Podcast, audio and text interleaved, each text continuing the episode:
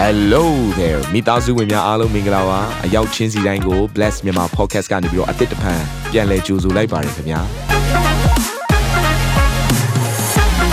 ဒီတစ်ပတ် Daily Devotion အစီအစဉ်ကတော့ယခင်ကဟောကြားခဲ့တဲ့နှုတ်ဘတ်တော်များထဲကနေပြီးတော့ highlight လောက်ဆောင်ပေးထားတာပဲဖြစ်ပါတယ်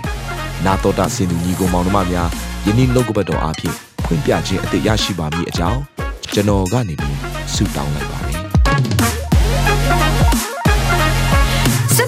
တရေတဒတ်ကို၎င်းရှစ်ပရောဟိတ်အကြီးတို့နှင့်ဖာရိရှဲတို့ဆင်လွတ်သောမင်းလူလင်တို့ကို၎င်းခေါ်ခဲ့၍မိအိမ်မိရှုလက်နက်တို့ကိုလက်ဆွဲလျက်လာကြ၏အဲ့ဒီအဖြစ်အပျက်ကဂေဒရှိမန်ဥယျာဉ်ထဲမှာယေရှုခရစ်တော်ဟာဆုတောင်းနေတဲ့အချိန်ကာလဖြစ်တယ်။ तू သိတယ်မကြခင်မှာယောမစစ်တပ်ဟာသူ့စီကိုလာပြီးတော့နော်သူကိုညှင်းဆဲတော့မယ်ဆိုတဲ့အကြောင်းအရာသိတယ်။ဖမ်းခေါ်သွားမယ်ဆိုတဲ့အကြောင်းအရာသိတယ်။မနှက်ဖြတ်မှာ तू ကားတိုင်းပေါ်တက်ရမယ်ဆိုတဲ့အကြောင်းအရာကိုယေရှုအားလုံးသိနေမြင်ဖြစ်တယ်။ယေရှုမသိတဲ့အရာတစ်ခုမှမရှိဘူး။ အာမင်။ဒါပေမဲ့အဲ့ဒီလောက်အထိကြီးမားတဲ့ပြဿနာကိုသူရင်ဆိုင်ရမယ့်အချိန်မှာတလောကလုံးရဲ့အပြစ်ကိုယူတင်ပြီးတော့သူဟာဒီပြဿနာကိုရင်ဆိုင်ရမယ့်အချိန်မှာအဲ့တော့ तू ဘာလုပ်ခဲ့တယ်လဲဆိုတဲ့အကြောင်းအရာလေးကိုဘယ်လိုမျိုးကြောက်ရွံ့ခြင်းတွေကိုနော်ဘယ်လိုမျိုးရင်ဆိုင်ခဲ့တယ်ဆိုတဲ့အကြောင်းအရာကိုကျွန်မကြည့်စီခြင်းတယ်အဲ့တော့ ကျမ်းစာကတော့ဘယ်လိုမှတ်တမ်းတင်ထားလဲဆိုတော့စစ်တရေတဒက်လို့ကျမ်းစာကမှတ်တမ်းတင်ထားတယ်ယေရှုကိုလာဖမ်းတဲ့သူကစစ်တရေတဒက်ယောမစစ်သားတွေထဲမှာမှလက်ရွေးစင်ဖြစ်တဲ့စစ်တရေတဒက်လုံးကယေရှုကိုလာပြီးတော့ဝန်းရံတာစစ်တရေတဒက်မှာလူပနည်းလောက်ရှိလေဆိုရင်တို့ကယောမစစ်သားတွေကိုဖွဲ့စည်းတဲ့အခါမှာလူအယောက်300ကနေ600လောက်เนาะသူတို့ကဖွဲ့စည်းထားတယ်အဲ့တော့ကဲပြောတန်ကုံเนาะ600လောက်လာပြီးတော့ယေရှုကိုဝိုင်းထားတယ်ဆိုပါစို့ဆိုတော့အဲ့လိုယေရှုကိုဝိုင်းထားတဲ့အခါမှာအဲ့လူတွေကဘာပြောလဲဆိုတော့เนาะ ။ तू ကယေရှုခရစ်တော်ရှာနေတဲ့အတွက်ကြောင့်မို့နော်ယေရှုခရစ်တော်ကဘာပြောလဲဆိုမင်းတို့ဘသူ့ကိုလာရှာတယ်လေ။ဒါနဲ့အဲယေရှုယေရှုအဲ့လိုမေးလိုက်တဲ့အခါမှာအဲ့ဘက်ကယောမနော်မင်းအရာရှိတွေတကယ်ကိုအကြီးအကဲတွေကဘာဖြစ်ဆိုငါတို့လာရှာတာယေရှုခရစ်တော်ကိုလာရှာတယ်။သူတို့ယေရှုခရစ်တော်ရဲ့အရှိမရှိနေတာဒါပေမဲ့ယေရှုခရစ်တော်ကိုမမတ်မိဘူး။ဒီအချိန်မှာနားလည်မယ့်ရာကယေရှုခရစ်တော်ဟာတကိုးကြီးတဲ့ဘုရားဆိုတာလေနားလည်စေခြင်းနဲ့ တယ်သူကသာနော်ဒီလူတွေအားလုံးကိုရင်ဆိုင်ဖွင့်တယ်သူ့ရဲ့တကိုးကိုသူ့ရဲ့အာနာကိုထုတ်ပြီးတော့သူတုံးလိုက်လို့ရတယ်ဒါပေမဲ့ तू မတုံးအဲ့တော့ဒီချိန်မှာလဲယေရှုခရစ်တော်ကိုဒီလူတွေကမမှတ်မိကြဘူးဒါနဲ့ယေရှုကဘာပြောလိုက်လဲဆိုတော့မင်းတို့ရှာနေတဲ့သူဟာငါပဲမင်းတို့ရှာနေတဲ့သူကငါပဲဆိုတဲ့စကားကိုပြောလိုက်တဲ့အချိန်မှာဘာဖြစ်သွားလဲဆိုလို့ရှိရင်ပြဿနာကိုထိတ်တက်ရင်ဆိုင်လိုက်တဲ့အခါမှာဘာဖြစ်သွားလဲဆိုရင်အဲ့ဒီသူ့ရဲ့ဘေးနားမှာရှိတဲ့ယောမစစ်သားတွေအားလုံးကအနောက်ကိုလန်ကြတယ်တဲ့ အရှိဟုံနဲ့အနောက်ကိုလန်ထွက်သွားတာဆိုလိုတဲ့အရာကဟာဘာကိုပြောချင်လဲဆိုတော့ဒီနေ့ပြဿနာကိုရင်ဆိုင်ရတဲ့အခက်အခဲကိုရဲရင်ချင်းနဲ့ထွက်ပြီးတော့ရင်ဆိုင်လိုက်တဲ့အခါမှာအနားမှာရှိတဲ့ပြဿနာကကျမတို့ရဲ့အဝေးကိုလက်ဆန်သွားနိုင်တဲ့အထိတကိုးနဲ့ပြည့်စုံနေဆိုတဲ့အရာကိုပြောခြင်းဖြစ်တယ်အာမင်ကျမတို့အသက်တာထဲမှာကြောက်ရွံ့နေဖို့နဲ့ဘုရားသခင်လိုတော့မရှိဘူးယေရှုခရစ်တော်ပြခဲ့တဲ့ဥပမာကိုကြည့်ပါဒါနဲ့အဲ့ဒီချိန်မှာဘာဖြစ်တယ်လဲဆိုလို့ရှိရင်နော်သူတို့ကမမတ်မိဘူးနောက်ဆုံးယေရှုခရစ်တော်ကနော် ငါပဲဖြစ်တယ်လို့နောက်တစ်ခေါက်ထပ်ပြောတဲ့အခါမှာမှဒါနဲ့ပေတရုကဘာကိုလုပ်လဲဆိုတော့ဓာတ်ကိုထုတ်ပြီးတော့အဲ့မှာနော်အဲ့တဲ့စမှုတယောက်ရဲ့နေရွက်ကိုဖျက်လိုက်တယ်ဖျက်လိုက်တဲ့အခါမှာယေရှုကပေတရုကိုဘာပြန်ပြောလဲဆိုတော့မဟုတ်ဘူး ငါအခုငါတောက်ရမယ့်ခွက်ကိုငါမတောက်ရသေးဘူးလေပေတရုကိုတတိပေးလိုက်တဲ့အချိန်ကျမှအဲ့ဒီအချိန်မှာယောမဆက်သားတွေအားလုံးကပြန်လဲပြီးတော့တတိဝင်လာပြီးတော့မှယေရှုခရစ်တော်ကိုဖမ်းခေါ်တယ်ဆိုတော့ယေရှုခရစ်တော်ကခွင့်ပြုလိုက်တဲ့အချိန်မှနော်ငါတောက်မယ်ဒီခွက်ကိုငါတောက်မယ်ဆိုပြီးတော့ခွင့်ပြုလိုက်တဲ့အချိန်မှပဲယောမစစ်သားတွေကသူ့ကိုဖမ်းလို့ရတာဖမ်းခွင့်ရသွားတာဖြစ်တယ်အဲ့တော့နားလေစီခြင်းတဲ့အရာတခုကပြဿနာကိုကြုံလာပြီဆိုရှောင်ပြေးဖို့အတွက်မစင်စားပါနဲ့ပြဿနာကိုကြုံလာပြီဆိုလို့ရှိရင် အာငါရှုံးနေတော့မယ်လို့လည်းမစင်စားစေချင်ဘူးပြဿနာကိုကြုံလာပြီဆိုလို့ရှိရင်ငါမှနီးလန်းရှိတယ်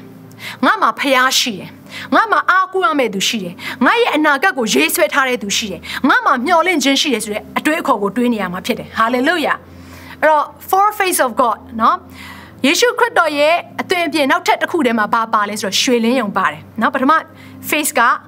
ချင်းတဲ့ဒုတိယ face ကဘာလဲဆိုတော့ရွှေလင်းယုံဖြစ်တယ်။ဒါကြောင့်မလို့ဟေရှာအခန်းကြီး40အခန်းငယ်31ထဲမှာဘာပြောထားလဲဆိုလို့ရှင်ထာဝရဘုရားကိုမျှော်လင့်သောသူတို့မူကအားပြေးကြလိမ့်မည်။ရွှေလင်းတာကဲ့သို့မိမိတို့အတောင်ကိုအသက်ပြုပြင်ကြလိမ့်မည်။ပြေးတော်လည်းမပင်ပန်းခရီးသွားသောအခါမမောရကြ။ဆိုတဲ့အတိတ်ပဲက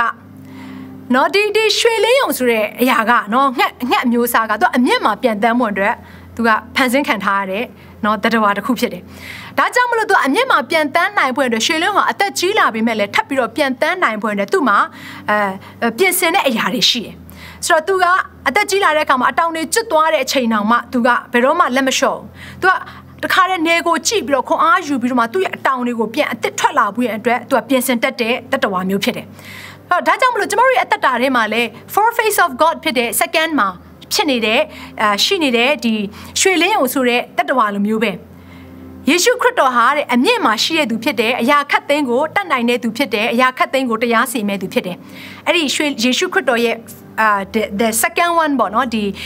eagle ကိုပုံဆောင်တဲ့အရာကအရာခတ်သိမ်းကိုပြန်ပြီးတော့အမြင့်ဆုံးမှာတရားစီရင်မယ်ဘုရားရှင်ဖြစ်တယ်ဆိုတဲ့အကြောင်းအရာကိုရည်ညွှန်းနေခြင်းဖြစ်တယ်။ဒါကြောင့်မလို့ယေရှုခရစ်တော်ဟာအရာခတ်သိမ်းကိုတရားစီရင်ပြီးတော့အရာခတ်သိမ်းကိုအုပ်ဆိုးတဲ့အရှင်ဖြစ်တဲ့အတွက်ကြောင့်မလို့ကျမတို့ကလည်းယေရှုခရစ်တော်အတိုင်းပဲအမြင့်မှာပြန်တန်းတဲ့သူတွေဖြစ်ဖို့အတွက်လိုအပ်တယ်။အာမင်။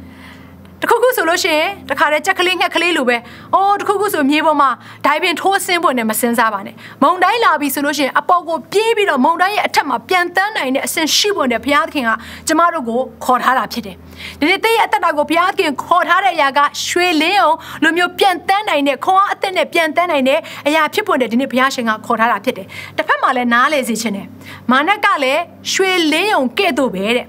ဟောရှေခန်းကြီးရှစ်ခန်းငယ်တစ်ထဲမှာပြောထားတယ်။ရန်သူသည်ရွှေလင်းတာကဲ့သို့ထာဝရဘုရား၏အိမ်တော်သို့လာလိမ့်မည်တဲ့။အခုနကျွန်မပြောခဲ့ပြီးမဟုတ်လား။ဟောက်တော်ချင်းတဲ့ကဲ့သို့ဘုရားရဲ့လူတွေကိုလာလှည့်စားတယ်။အခုဒီမှာလဲဟောရှေရှစ်တစ်ထဲမှာရွှေလင်းတာကဲ့သို့ဘုရားသခင်ရဲ့အိမ်တော်ကိုလာလိမ့်မယ်။ဒါကြောင့်မလို့ရန်သူကတော့အယောင်ဆောင်ထားတဲ့ရွှေလင်းတာပေါ့။ ဒါပေမဲ့ကျမတို့ကကြတော့အယောင်ဆောင်ထားတဲ့သူတွေမဟုတ်ဘူးကျမတို့ရဲ့ဖြစ်ချင်းအမှန်ကိုကရွှေလင်းတာဖြစ်နေတာတနည်းအားဖြင့်ရွှေလင်းယုံဖြစ်နေတာဒါကြောင့်မလို့ကျမတို့ဟာရန်သူကိုရင်ဆိုင်တဲ့အခါမှာမကြခင်မှာရောက်လာမဲ့ရန်သူကျမတို့ကိုဖျက်ဆီးမဲ့ရန်သူကိုကျမတို့ရင်ဆိုင်တဲ့အခါမှာကြောက်ရွံ့နေလို့မရအောင်ရွှေလင်းတာကဲ့သို့လာမယ် ကော်ပီလုပ်ထားတယ်ရန်သူကတော့ဒါပေမဲ့ကျမတို့ဟာယေရှုခရစ်တော်အထဲထဲမှာစစ်မှန်တဲ့ယေရှုခရစ်တော်ကအထဲထဲမှာရှိနေတဲ့အတွက်ကြောင့်မလို့ရွှေလင်းတာအစစ်မှန်အနေနဲ့ကိုယ့်ရဲ့အသက်တာကိုထုတ်ဖော်ပြသဖို့အတွက်လိုအပ်တယ်ကြောက်ရွံ့နေလို့မရအောင်အာမင်ကြောက်ရွံ့နေဖို့နဲ့ဘုရားသခင်ကတင့်ကိုဒီလောကထဲမှာထားထားတာမဟုတ်ဘူးဒါကြောင့်မလို့ယောရှုမတ်စာထဲမှာလည်းဗာပြောထားလဲဆိုအာရွေရဲရင်ချင်းရှိပါမကြောက်နဲ့စိတ်မပြတ်နဲ့ဒီနေ့အဲ့ဒီဘုရားသခင်ကကျမတို့နဲ့အတူတူရှိတဲ့ဘုရားရှင်ဖြစ်တယ် ဒုက္ခထဲမှာကျမတို့ကိုပြတ်သွားခဲ့မဲ့ဘုရားရှင်မဟုတ်ဘူးခဲရဲတဲ့ကာလမှာကျမတို့နဲ့အတူတူရှိပြီးတော့ကျမတို့ဦးခေါင်းကိုကြွချီပြီးတော့ရန်သူရဲ့အရှိမစပွဲကိုခင်းပြီးတော့ကျမတို့ကိုချီးမြှောက်မဲ့ဘုရားရှင်ဖြစ်တယ်ဟာလေလုယာအာမင်ဒါကြောင့်လို့သင်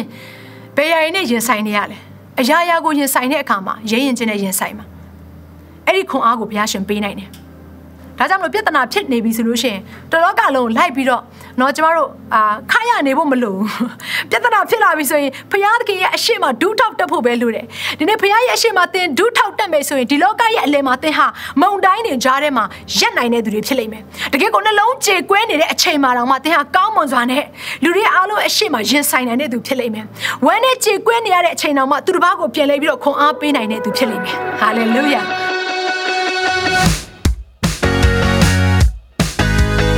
နာတော်တာစင်သူတိုင်းရဲ့အသက်တာမှာကောင်းကြီးဖြစ်မယ်ဆိုတာကိုကျွန်တော်ယုံကြည်ပါတယ်။သင်ရဲ့အသက်တာအတွက်များစွာသော resource တွေနဲ့ update တွေကို Facebook နဲ့ YouTube platform တွေမှာလည်းကျွန်တော်တို့ပြင်ဆင်ထားပါတယ်။ Facebook နဲ့ YouTube တွေမှာဆိုရင် search box ထဲမှာစူဇနာမင်းလို့ရိုက်ထည့်လိုက်တဲ့အခါအပြအအောင်အမှန်ချစ်ထားတဲ့ Facebook page နဲ့ YouTube channel ကိုတွေ့ရှိမှာဖြစ်ပါတယ်။နှုတ်ကပတ်တော်တွေကိုဗီဒီယိုအားဖြင့်လည်းခွန်အားယူနိုင်ဖို့ရန်အတွက်အစင်သစ်ပြင်ဆင်ထားပါတယ်။ကျွန်တော်တို့ဝိညာဉ်ရေးရာအတွက်အထူးလိုအပ်တဲ့ဖွင့်ပြခြင်းတွေနဲ့ခွန်အားတွေကိုရယူလိုက်ပါ။ နောက်ရက်များမှာပြန်ဆုံတွေ့ကြရအောင်ခင်ဗျာအားလုံးကိုနှုတ်ဆက်ပါတယ်